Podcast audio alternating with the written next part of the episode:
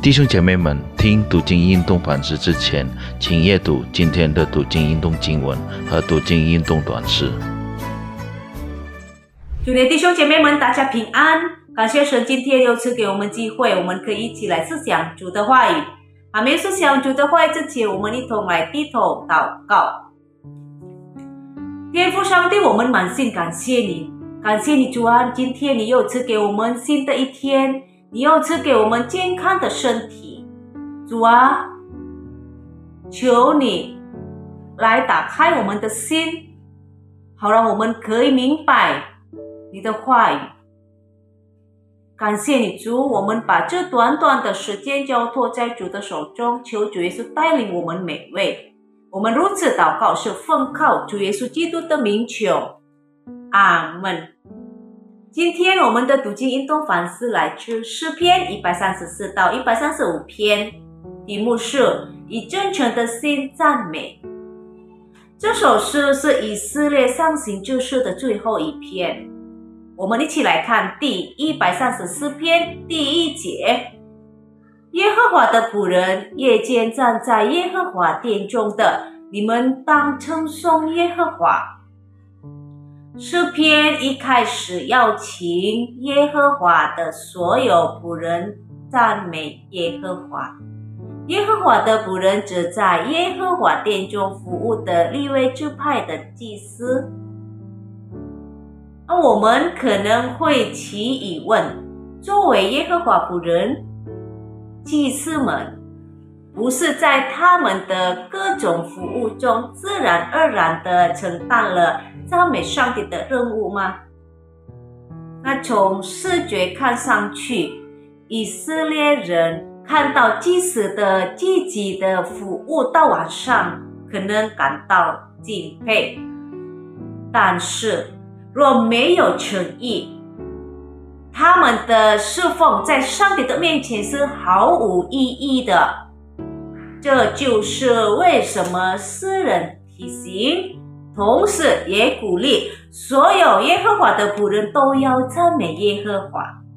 赞美耶和华通常包括向圣所举手。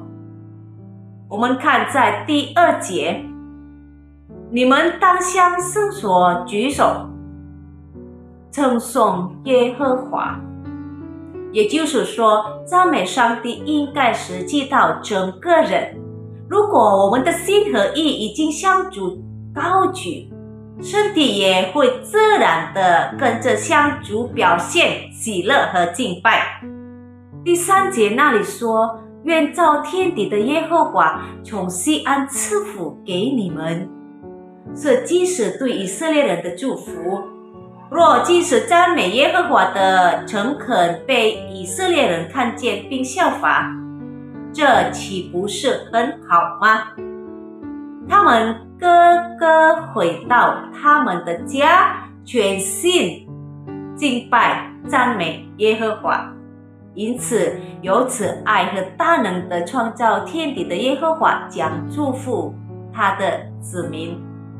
耶和华要祝福我们，他要坐在我们的生命的宝座上，做我们的王，来祝福我们。来保护我们，来带领我们，弟兄姊妹。有时候呢，反复做的事情很容易失去了意义，包括在教堂里的敬拜和服饰。